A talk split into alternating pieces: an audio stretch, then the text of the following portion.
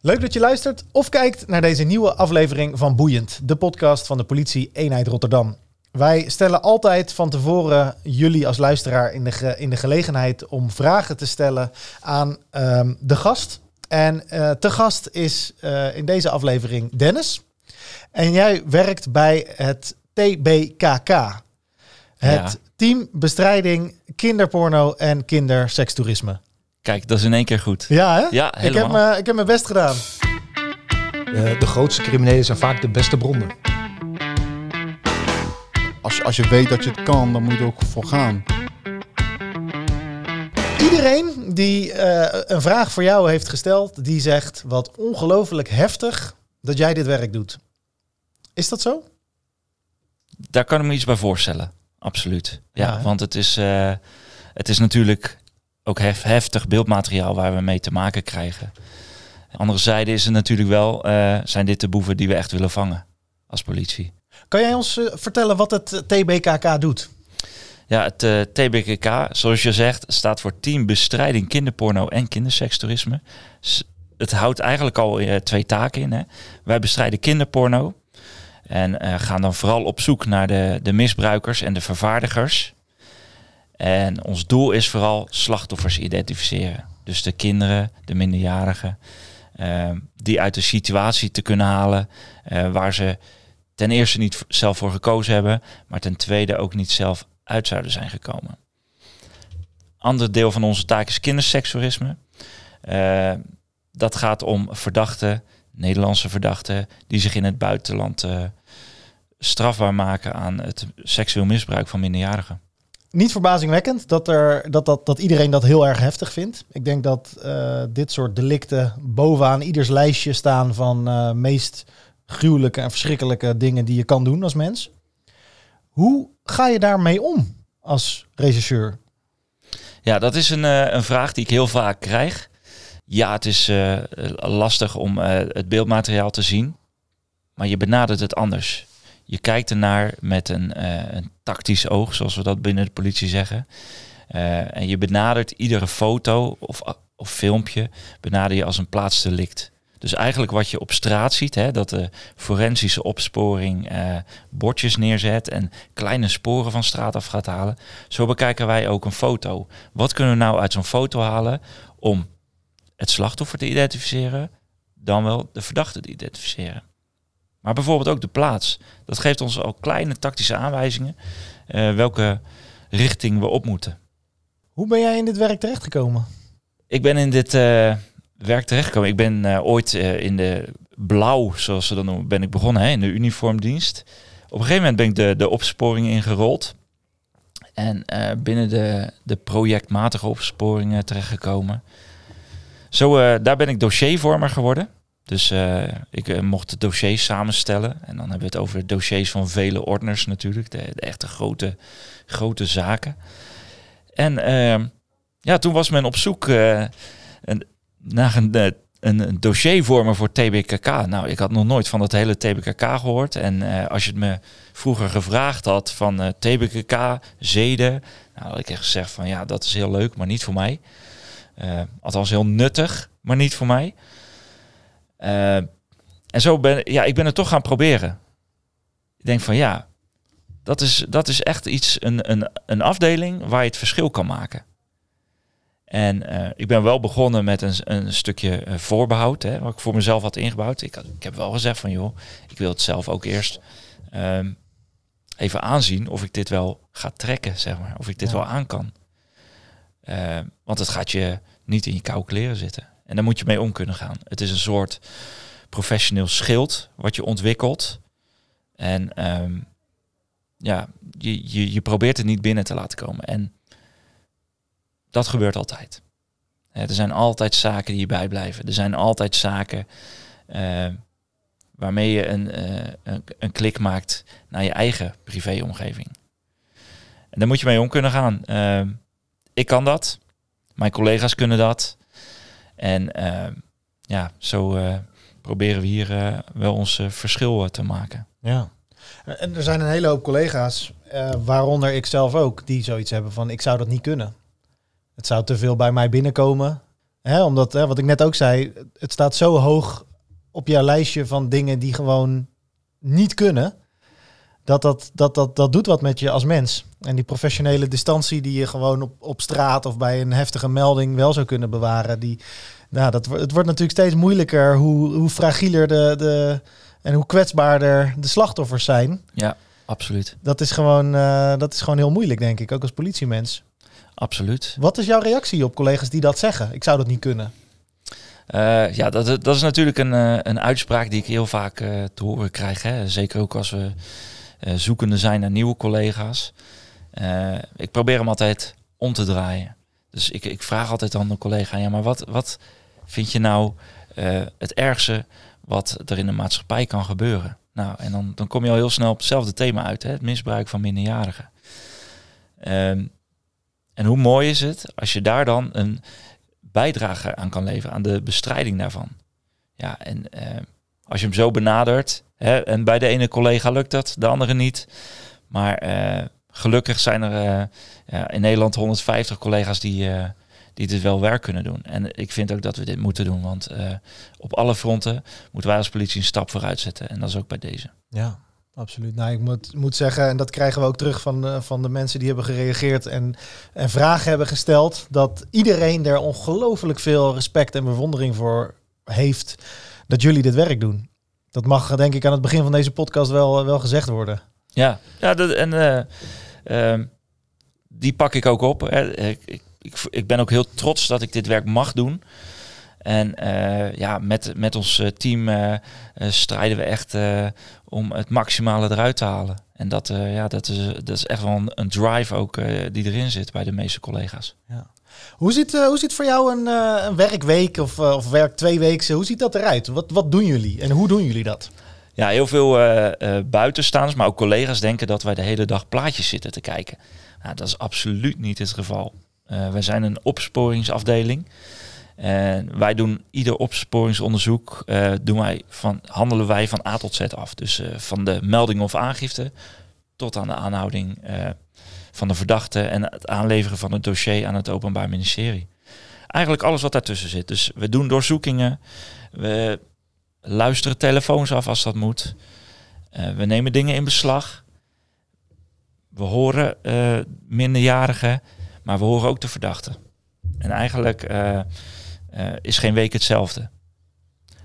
Het uitkijken van beeld is daarentegen wel een essentieel deel van ons onderwerk. En dat is wel iets wat helaas nog wel met het menselijk oog eh, plaats moet vinden.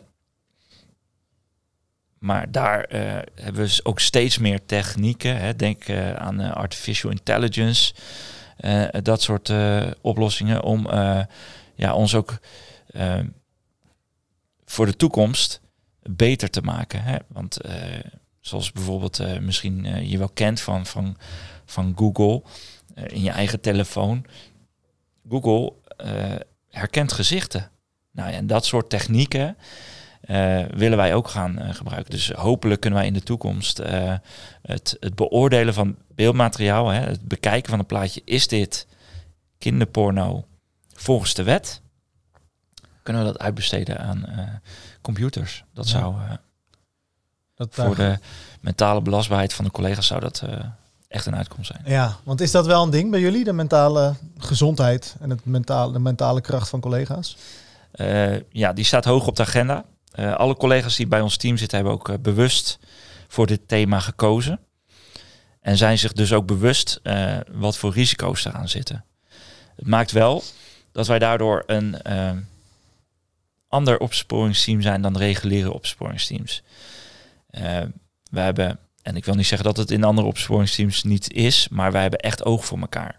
Als je een nacht niet goed geslapen hebt, dan moet je dat zeggen. Want dat doet iets met jouw eh, eh, belastbaarheid. En die, die ruimte is er ook.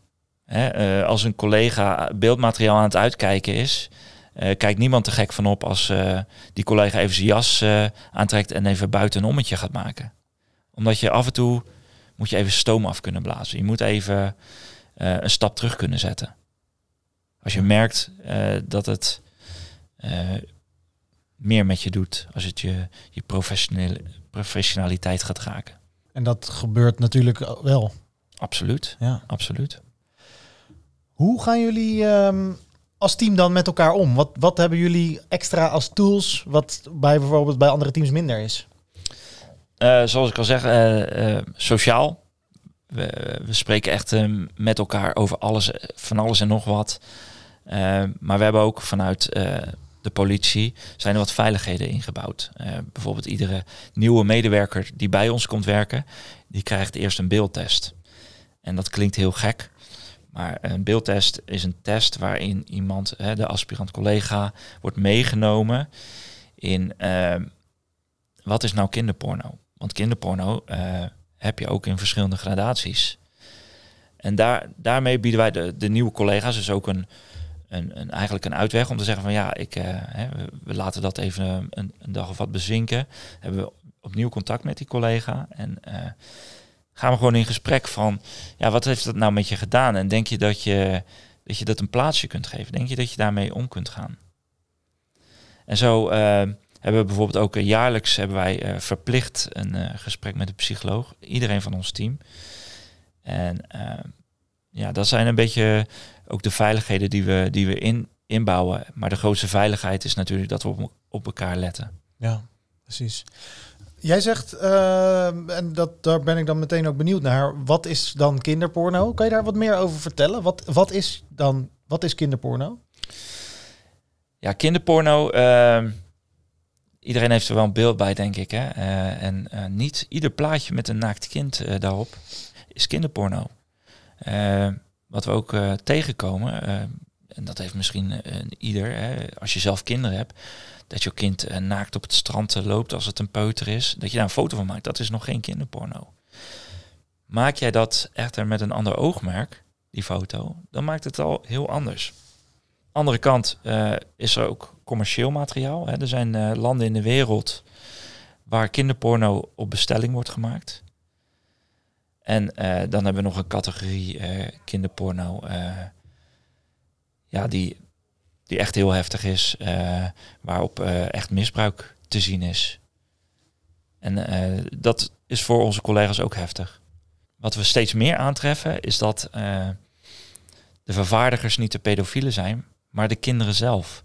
Eh, tegenwoordig is het heel normaal dat jonge kinderen al een tablet of een eh, mobiele telefoon hebben met, het, eh, met een eh, internettoegang.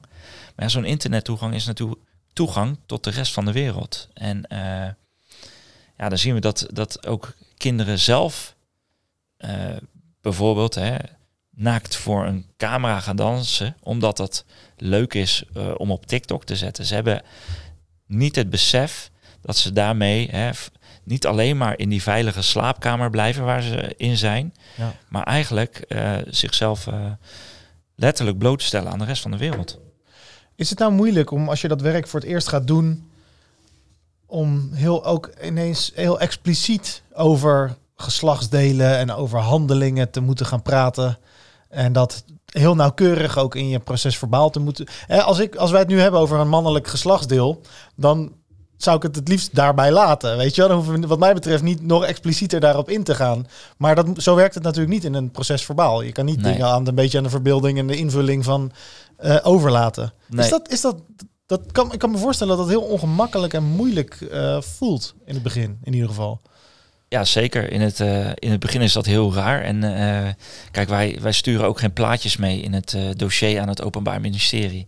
Want dat mag gewoon niet, want dan zijn we zelf ook aan het verspreiden. Ja. En dat is strafbaar. Dus wat wij moeten doen is een plaatje beschrijven. Dus wat zie je op een plaatje? En dan ja, ontkom je niet aan die termen. Nee. En dat is inderdaad raar. Ja. Want dat is ja, toch een soort, daar, daar rust toch een taboe op.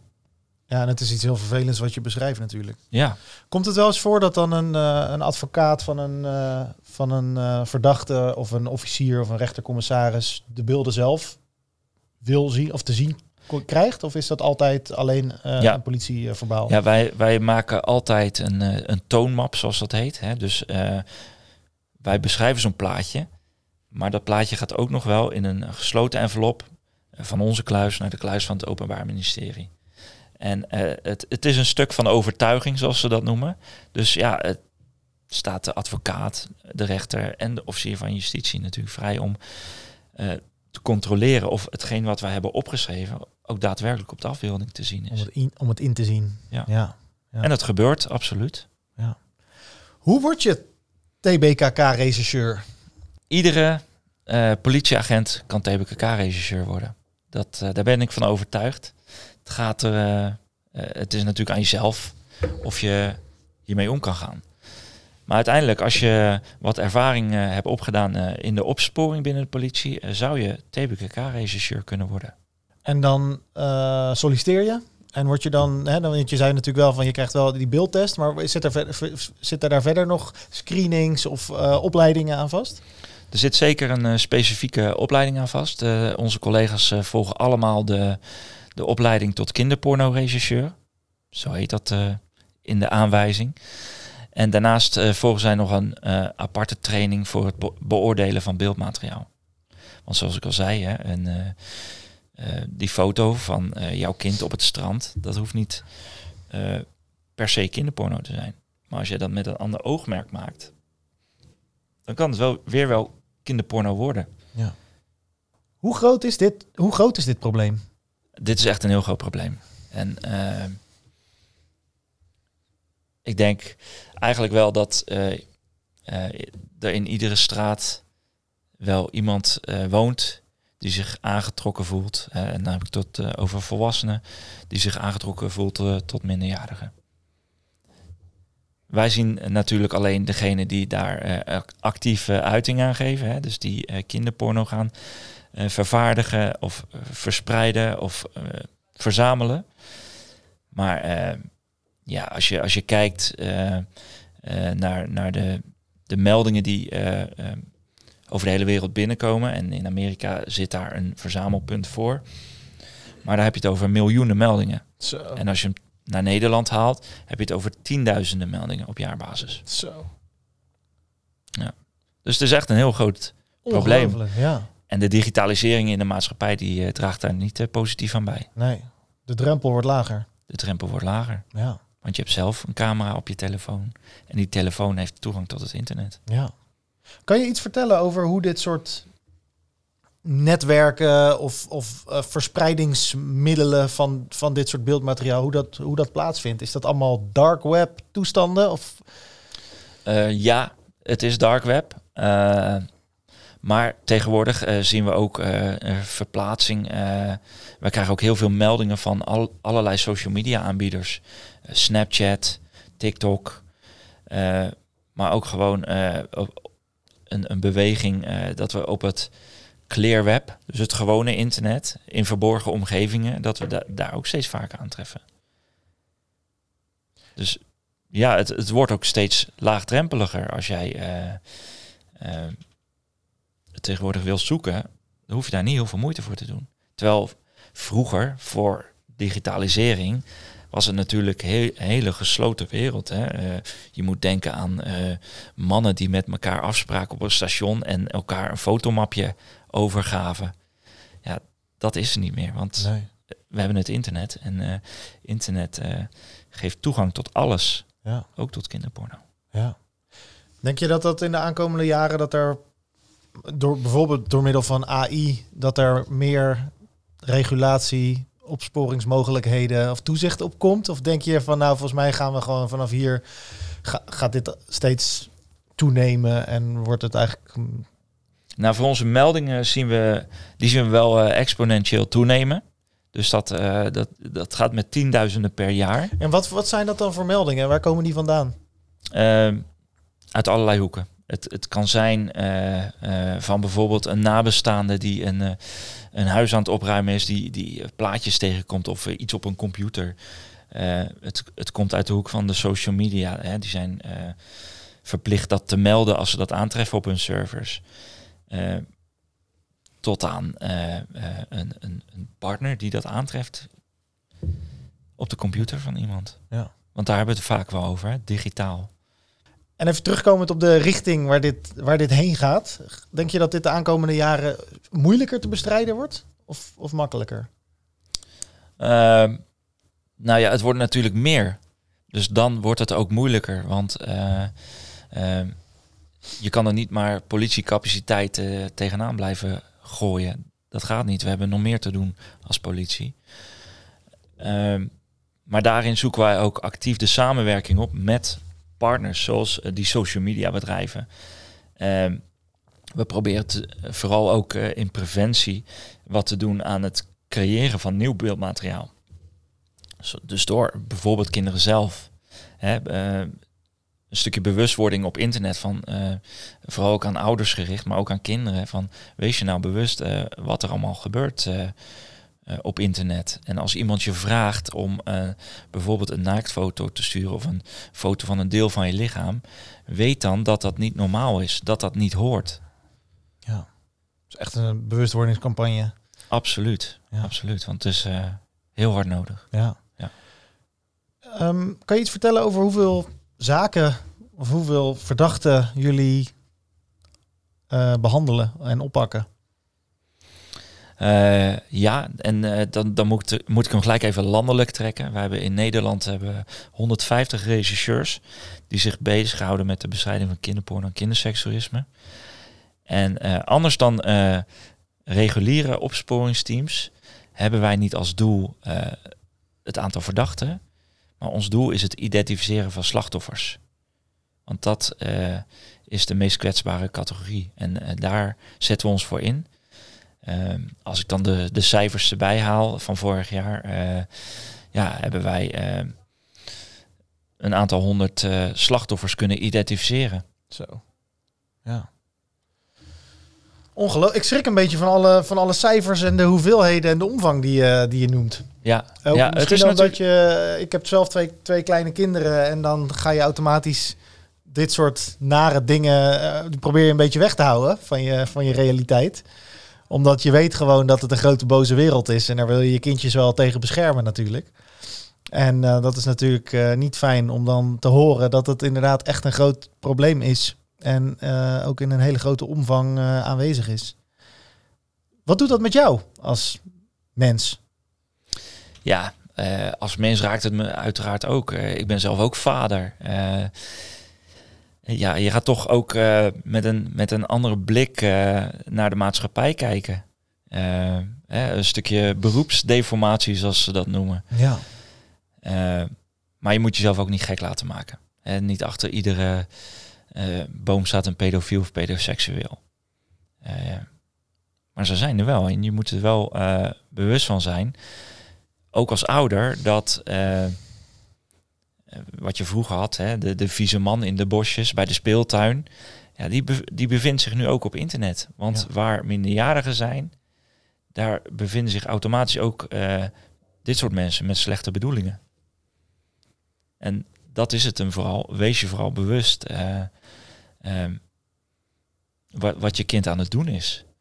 Dus ik, ik, we merken heel vaak eh, kinderen die eh, op hun kamer zitten met hun telefoon of tablet. eh, vader en moeder beneden op de bank. Het is stil boven, dus het zal wel goed gaan. Maar ze vergeten dat, dat dat kind een gateway heeft tot het internet. En dat er op het internet zijn hartstikke veel leuke dingen te vinden. Deze podcast bijvoorbeeld. Ja, precies. Ja. Maar ook mensen met slechte bedoelingen. En die weten daar feilloos eh, gebruik van te maken. Dus Ja. het is echt wel van belang dat je eh, dat ook aan je kind eh, meegeeft. En een beetje toezicht eh, erop houdt misschien. Ja, maar dat je vooral in, in de basis eh, uitlegt eh, wat is goed en wat is fout. Ja. En eh, bijvo- bijvoorbeeld, je lichaam is van jou. Dat, dat, dat is van niemand anders. Dat moet je ook bijhouden. Dus als iemand jou vraagt, maak een foto van dit of maak een foto of wil je mij een foto van dat sturen, doe het gewoon niet. Nee. Zijn het nou overwegend, eh, zeg maar, dan tieners of de wat, wat oudere minderjarigen die eh, bij jullie op de beeldschermen verschijnen? Of zijn het ook wel echt hele jonge baby's, kinderen? Eh, ja, zo, zodra kinderen een mobieltje of tablet hebben, zien we dit soort problemen ontstaan. Ja. Dus eh, nou ja, goed, wat is de leeftijd tegenwoordig voor een mobiel of tablet? Ik, ik heb geen idee. Zes, zeven, acht. ja, bizar. Ja, precies. Ja. Dus dat zien wij. Eh, en ja, helaas zien wij ook eh, die categorie die daaronder zit. Alleen dat eh, wordt niet zelf vervaardigd natuurlijk. Jouw vraag. Wij hebben ook eh, de luisteraars de gelegenheid gegeven om vragen aan jou te stellen. Dus daar wil ik er graag een aantal eh, aan, eh, aan jou doorschuiven. Bijvoorbeeld, helpt de huidige aanpak tegen kinderporno? En waarom wel of niet? Ja, zoals we het in Nederland doen, doen we het goed. Als, het, als je het vergelijkt met andere landen, lopen wij als Nederland echt wel voorop in de bestrijding van kinderporno. Alleen wij kunnen de, de ontwikkeling niet aan. De toename van het aantal meldingen is zo groot dat wij eh, eh, ja, dat, dat gewoon ook niet meer kunnen bijbenen. Dus wij kijken nu ook naar eh, welke technieken kunnen ons daarbij helpen. Hè, ehm, ik zei het daar straks al, artificial intelligence bijvoorbeeld. Wat kan ons helpen om meer zaken aan te pakken? Want dat is wel een, een- een credo wat ik eh, altijd noem. Hè. Niets doen is geen optie. Wij moeten wat doen in dit soort zaken. Op het moment dat een verdachte al dan niet is veroordeeld, een zaak is klaar. Wat gebeurt er daarna met het beeldmateriaal? Ja, het beeldmateriaal eh, wordt eh, bij ons opgeslagen op een eh, afgeschermde server. En van dat beeldmateriaal wordt een zogenaamde hashcode berekend. Hè, dat moet je zien als een soort unieke vingerafdruk van die afbeelding. En die code, die unieke code, wordt opgenomen in de database voor eh, hashcodes. Die database die wordt aangeboden aan eh, eh, verschillende bedrijven die zich bezighouden met het opslaan van beeldmateriaal. Denk aan social media aanbieders. Die scannen met die lijst hun servers af om te kijken van staat er kinderporno en moeten wij alarm slaan. Dus naarmate jullie database groeit, wordt ook het opsporen van beelden die al eh, gevonden zijn eh, makkelijker eigenlijk. Ja, en zo proberen we wel het hergebruik van eh, beeldmateriaal. om daar de opsporing in makkelijker te maken. Het blijft natuurlijk uniek en nieuw beeldmateriaal. zal niet door die hashtag server eh, worden gevonden. Nee, precies. Ja. Dus het blijft altijd handmatig werk. ja. En mensenwerk. En mensenwerk, Ja. absoluut. Wat wordt er gedaan als dit soort zaken voorkomen binnen het politiepersoneel? Is ook een van de vragen. Ja, wij maken daar. Komt eh, dat wel eens voor überhaupt? Is dat wel eens voorgekomen? Ja, absoluut. Eh, wij maken daar eh, absoluut geen onderscheid in. Eh, en je kan ook niet zeggen dat we een bepaalde dadergroep hebben. Echt. Onze daders die zitten echt in de categorie eh, van vuilnisman tot bankdirecteur, zoals ik het wel eens zeg. En van allerlei komaf. Dit, is, eh, dit, dit probleem eh, dit kent geen maatschappelijke klasse. En in het verlengde daarvan is er ook een vraag binnengekomen. Een beetje een suggestieve vraag, maar wat vind jij van de zeer lage straffen die op deze strafbare feiten staan? Ja, ik, ik, snap, ik snap de vraag, hè, want eh, het is natuurlijk echt wel verschrikkelijk wat er, wat er gebeurt. En als je het de, de opinie zou vragen aan het publiek, dan zou je zeggen, ja, die moeten allemaal de doodstraf krijgen of Geen levenslang. Ja. eh, dat soort dingen. Maar dat kan niet in Nederland. En eh, mensen vinden het heel, ehm, heel laag, maar als je het Europees wegzet, straffen wij in Nederland nog best wel eh, ja, stevig. Ik denk ook niet dat dit slag verdachte is geholpen met een gevangenisstraf. Denk dat we ook veel meer eh, moeten inzetten op, op hulpverlening. Want iemand in een celletje zetten, daar gaat iemand niet eh, wijzer van worden. Of daar gaat iemand zijn gedachten niet van veranderen. Ik denk dat er ook een stuk hulpverlening aan vast moet zitten. Hè? Al dan niet gedwongen in de vorm van een TBS of iets dergelijks. Maar deze mensen hebben hoofdzakelijk hulp nodig. ja, dat is heel interessant. Straffen is natuurlijk voor een deel, voor een groot deel ten aanzien van de verdachte, maar ook voor een deel ten aanzien van slachtoffers en de samenleving. En ik denk dat we als samenleving op heel veel punten heel erg verschillen. Maar het van straat hebben en houden en halen van pedofielen of pedoseksuelen, eh, daar zijn de meningen over het algemeen wel eh, eensgezind over. Absoluut. Ja, je En- krijgt... En dat is natuurlijk het, meteen het moeilijke daarvan. Is dat je denkt, nou, aan de ene kant kan je het juridisch bekijken en eh, vanuit een eh, van waarin, hoe moeten we omgaan met die verdachten. En aan de andere kant kan je ook kijken van hoe moeten, hoe moeten wij hier als samenleving tegenover staan. En dat dan de algemene opvatting is, zo'n persoon verdient geen plek in onze samenleving. Ik moet je heel eerlijk zeggen, dat is wel een, een, een gedachte die ik kan volgen. Ja, ja daar, daar daar kan ik me echt wel wat bij voorstellen. Ehm, alleen, zoals ik al zei, met straffen los je het niet op. Kijk, eh, je wordt hier niet levenslang voor gestraft. Dus je komt enig moment kom je vrij. En eh, wat je volgens mij moet doen als maatschappij, eh, is ervoor zorgen dat dit ook niet meer gebeurt. Dus je moet inzetten op hulpverlening. Je moet inzetten op toezicht. Die mensen die moeten misschien wel levenslang toezicht hebben. Ja. Ik, ik snap je gevoel. Ik snap een ieders gevoel. En eh, ja, ik, ik kan daar niks eh, aan veranderen. Nee, nee, zeker. Nee. Het is eh, denk ik vooral ook interessant om daarover over te praten. Absoluut. En om daar ook over na te denken op die manier. Want je kan heel makkelijk vervallen in woede of in react- reactief. Maar uiteindelijk inderdaad moeten we dealen met de omstandigheden waarin we, waarin we leven. En al helemaal als politieprofessional natuurlijk. Trekt je bijna uit elkaar als, als politieagent ook. Omdat je aan de ene kant mens bent en eh, daarin je gevoelens hebt. En aan de andere kant natuurlijk gewoon de, de juridische eh, en, eh, ja, wetten en regels waar, waarbinnen wij ons werk doen. Ja, ja. en ik, ik kan me echt wel voorstellen dat er collega's zijn. Hè. Ik krijg heel vaak te horen wat je ook al in het begin zei. Van, ja, hoe kan je dat werk nou doen, joh? Met die uh, viespeuken. Hoe, ik, ik zou het niet kunnen. Ik zou hem over de tafel trekken als ik in voor met zo iemand zit. Ja, goed. We zitten daar voor een stukje waarheidsvinding. Hè, ehm, om het slachtoffer uiteindelijk eh, weer eh, het leven terug te geven. Ja. En eh, ik denk dat we, hè, daar gaan we dan misschien wel eens aan voorbij. Van ja, we moeten die mensen stevig straffen, moeten ze opsluiten en nooit meer loslaten. Maar we moeten ook vooral kijken naar het slachtoffer. We moeten ook goed zijn voor het slachtoffer, want eh, het heeft een impact. En ja, dat is misschien wel een litteken wat iemand de rest van zijn leven met zich draagt. Absoluut. En daar doe je het voor. Daar doe je het voor. Je doet het voor de slachtoffers.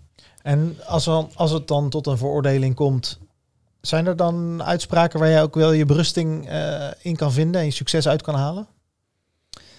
Eh ja, zeker. Jazeker. Maar vooral als ik eh, eh, het slachtoffer uit die situatie kan halen. Hè. Eh, je moet eh, bijvoorbeeld denken aan een, aan een misbruikssituatie. eh, waarbij het kind denkt of niet anders weet dat het normaal is dat het kind misbruikt wordt. En eh, als je, als je zo'n kind uit zo'n situatie kan halen, is dat al voor mij de grootste winst. Ja. Het dossier. Nou, tot zover de vragen die we vanuit de luisteraars hebben ontvangen. Ehm, ik ben wel heel erg benieuwd. Kan jij ons eens meenemen in een, in een zaak die jij hebt gedraaid of een zaak die veel indruk op jou heeft gemaakt? Jazeker. Een aantal jaar geleden eh, deden wij onderzoek op het dark web naar een, eh, een, een kinderpornogroep, hè, een, eh, een, een community waar kinderporno werd gedeeld. En daar zagen wij een Nederlandse verdachte die daar een vooraanstaande rol had. Maar die verdachte deelde ook beeldmateriaal van het meisje wat hij zelf zou misbruiken.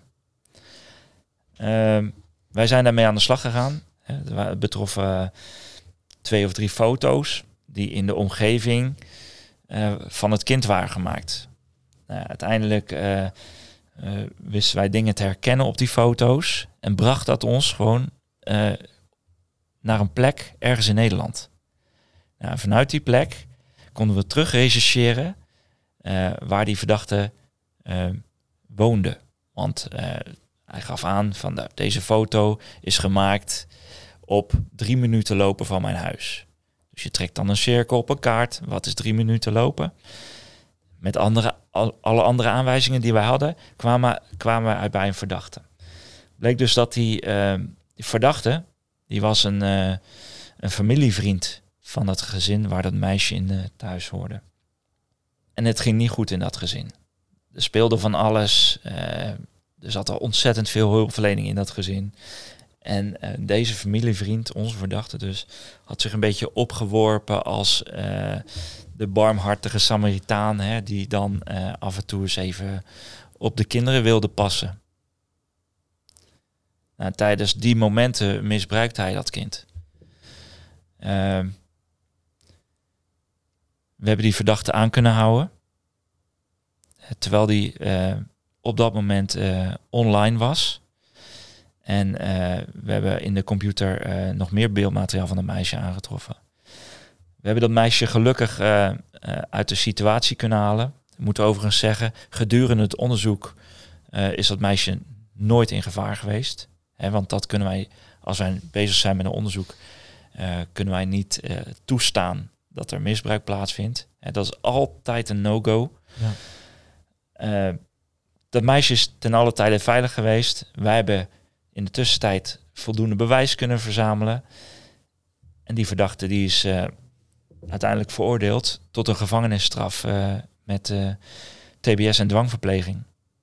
Meisje hebben we uit de situatie kunnen halen. Is en blijft heel zorgelijk. Meisje is daardoor beschadigd. Maar gelukkig eh, gaat het nu goed met het meisje. Ja, en heb je echt een, eh, een, bij- een bijna een soort, een op een bepaalde manier een leven kunnen redden. Ja, zo zie ik dat ook. Ja. Ja. Zo. Want hoe lang was dat anders doorgegaan? Ja. Ongelooflijk. Ja. Kan je iets vertellen over eh, het stukje opsporing wat jullie hebben gedaan? Ik begrijp dat je niet alle, hè, niet, niet alle goocheltrucken die we in huis Nee, hebben willen nee. delen, maar Nee, kijk, wij, eh, wij zijn, zoals eerder gezegd, wij zijn een opsporingsteam. En eh, eh, in die opsporing eh, maken wij ook gebruik van alle middelen die ons tot onze beschikking staan. Hè, dus ja, wij maken ook gebruik van het, arrestatieteam, van het observatieteam. Wij luisteren telefoons af. Wij tappen internet af van onze verdachten. En wij gebruiken eh, eigenlijk die hele toolkit aan onze bevoegdheden om maar eh, bij die verdachte te komen. En om maar het bewijs te verzamelen tegen die verdachte.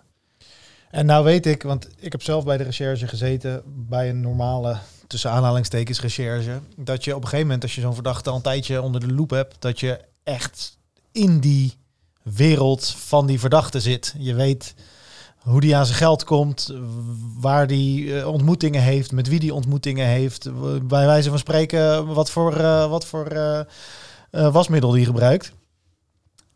Maar als dat gaat over strafbare feiten die gewoon acceptabel zijn, dan is dat nog ergens heel interessant. Maar ik kan me voorstellen dat hoe dieper je in de wereld van zo'n verdachte duikt, ook hoe moeilijker het wordt en hoe dichter bij het werk komt. Is dat zo? Eh, ja, je krijgt eh, uiteraard, hè, dat, eh, dat is ook een deel van het onderzoek. Hè. We proberen het leven van zo'n verdachte in kaart te brengen.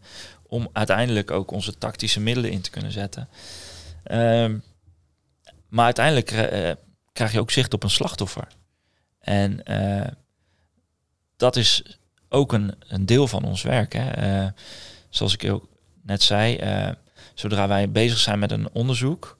ehm, en wij, wij hebben een, een aanwijzing van actueel misbruik, grijpen wij ook meteen in. En zo is ons team ook ingericht. Als wij vandaag een melding krijgen dat er ergens actueel misbruik plaatsvindt, dan grijpen wij ook direct in. Een voorbeeldje van een eh, tijdje geleden kregen we een melding van misdaad anoniem. Meld misdaad anoniem. Eh, en een uur later stonden we in die woning waar die melding van kwam. Dus eh, ja, wij, wij, wij proberen echt eh, wel slagvaardig op te treden. Ja. Op het moment dat jij eh, dat een zaak klapt, hè, zoals ze dat noemen, de verdachte wordt aangehouden en eventuele slachtoffers die worden dan ook gehoord. Kan je daar wat over vertellen? Hoe gaan dat soort gesprekken en verhoren? Ehm, hoe, hoe gaat dat in zijn werk? Eh, ja, dat, het is natuurlijk altijd heel lastig. Hè? Bij het misbruik zelf zijn vaak alleen de minderjarigen en de verdachte betrokken. Eh, het, het, het, het vergt dan ook een speciale inzet van eh, speciaal getrainde regisseurs eh, over hoe, hoe we die kinderen gaan horen. Want dat is eh, heel anders dan een verdachte. Hè? Je kan niet gaan zitten in een normale verhoorkamer en tegen het kind zeggen van nou, je bent niet tot antwoorden verplicht. Vertel maar, wat is je overkomen? Precies. Dat, zo, zo werkt dat niet bij een kind. Eh, dus eh, daar hebben we speciaal getrainde collega's voor in dienst die, eh, die dat ook kunnen. En eh, ja, het- daar, daar hebben we dus ook een speciale verhoorkamer voor. En daar gaan we zo meteen een kijkje nemen. Absoluut. Ja. Voordat we dat gaan doen, ehm, we, we zijn net heel even bij jou op de afdeling geweest en jullie hebben een hele indrukwekkende muur met allemaal handjes. Wat, wat kan je daarover vertellen? Ja, dat is een, eh, een eh, initiatief eh, ontstaan vanuit de collega's zelf, jaren geleden. Dat wij voor ieder geïdentificeerd slachtoffer in een onderzoek een handje maken. En dat is een beetje ons symbool geworden. Hè. Je hoeft je, als je, als je aan het werk bent achter je computer, je hoeft je alleen maar even om te draaien naar die muur. Om te zien waar je het voor doet. Ja, Al die, al die handjes. Het ja. zijn allemaal slachtoffers, zijn allemaal kinderen, allemaal jonge mensen die nog in het begin van hun leven staan, die nog hun hele leven te gaan hebben. En daar hebben wij eh, aan bijgedragen om daar weer een stukje veiligheid in terug te brengen. ongelooflijk. En ik moet ook wel zeggen dat het echt heel veel indruk maakt om al die handjes bij jullie aan de muur eh, te zien.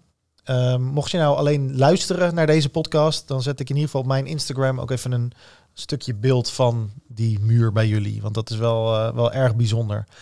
Zullen wij eens een kijkje gaan nemen in jullie eh, verhoorruimte? Dat lijkt me een goed idee. Ja. In het veld. Wij staan hier in een verhoorruimte. Eh, een hele andere verhoorruimte dan ik gewend ben. Het is een beetje een huiskamergevoel. Er ligt een hele grote knuffel naast me. Er staat een bank en een mooie plaat aan de muur. Warme kleuren. Wat is dit voor ruimte waar wij in staan? Dit is een eh, verhoorstudio. Eh, deze verhoorstudio is speciaal eh, gemaakt om minderjarigen te kunnen horen als politie zijn. En hoe, hoe gaat dat in zijn werk? Wat gebeurt hier? Ja, je kan je voorstellen dat het verhoor van een minderjarige heel anders is dan een, het verhoor van een verdachte, een meerderjarige verdachte. Hè, dat is vaak een heel klinisch hok met een bureautje, een computer. En dan zit je tegenover, als politieman zit je tegenover de verdachte. Eh, hier gaat het heel anders. Eh, het, kind krijgt hier de ruimte om vrij te bewegen.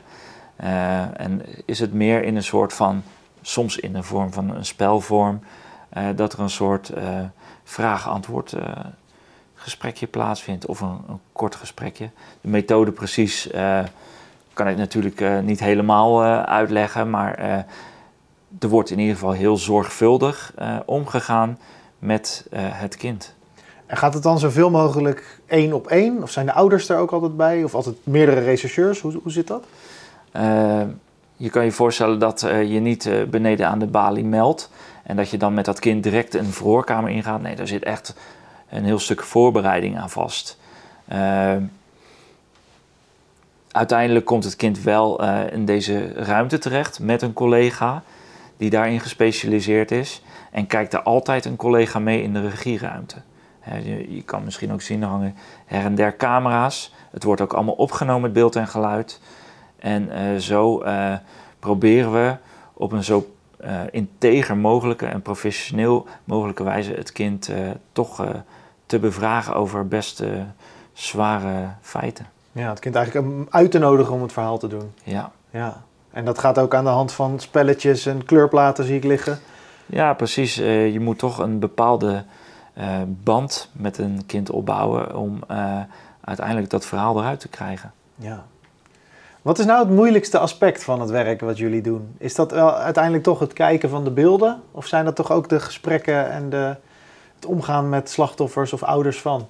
Nou, ik denk dat het het moeilijkste aspect van het werk vooral erin zit als je start met het beeldmateriaal en eh, gedurende het onderzoek eh, kom je ook echt in contact met dat kind.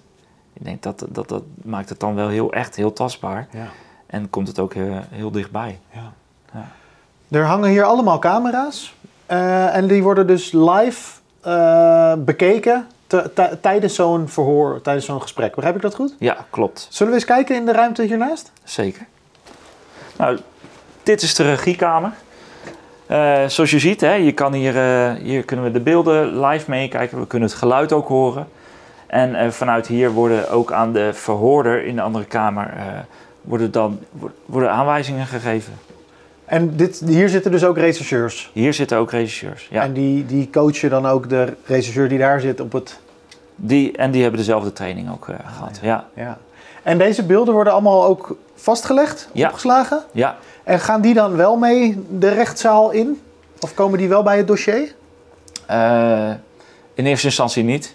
Daar wordt eh, een procesverbaal van gemaakt. En eh, deze beelden zijn, eh, net als het kinderpornografisch beeldmateriaal, eh, wel opgeslagen, maar zullen alleen eh, op verzoek van de officier, rechter of advocaat eh, getoond worden. Ja. Waarom wordt er op deze manier gewerkt? Waarom is het niet... Ik, ik, begrijp dat je het kind zoveel mogelijk wil uitnodigen om het verhaal te doen. Maar waarom is het niet gewoon van... Nou, we gaan gewoon met z'n tweeën zitten, we typen het verhaal uit... en daar moeten ze het maar mee doen? Ja, omdat een, eh, eh, een kind hè, die, eh, die zit op een ander niveau, denkniveau dan een volwassene. En die, kan je niet zo die vragen stellen. Want eh, je moet je wel bedenken van als ik een vraag stel aan een kind, begrijpt dat kind dat dan ook? Weet het kind wat ik eh, verwacht aan antwoord? Ja.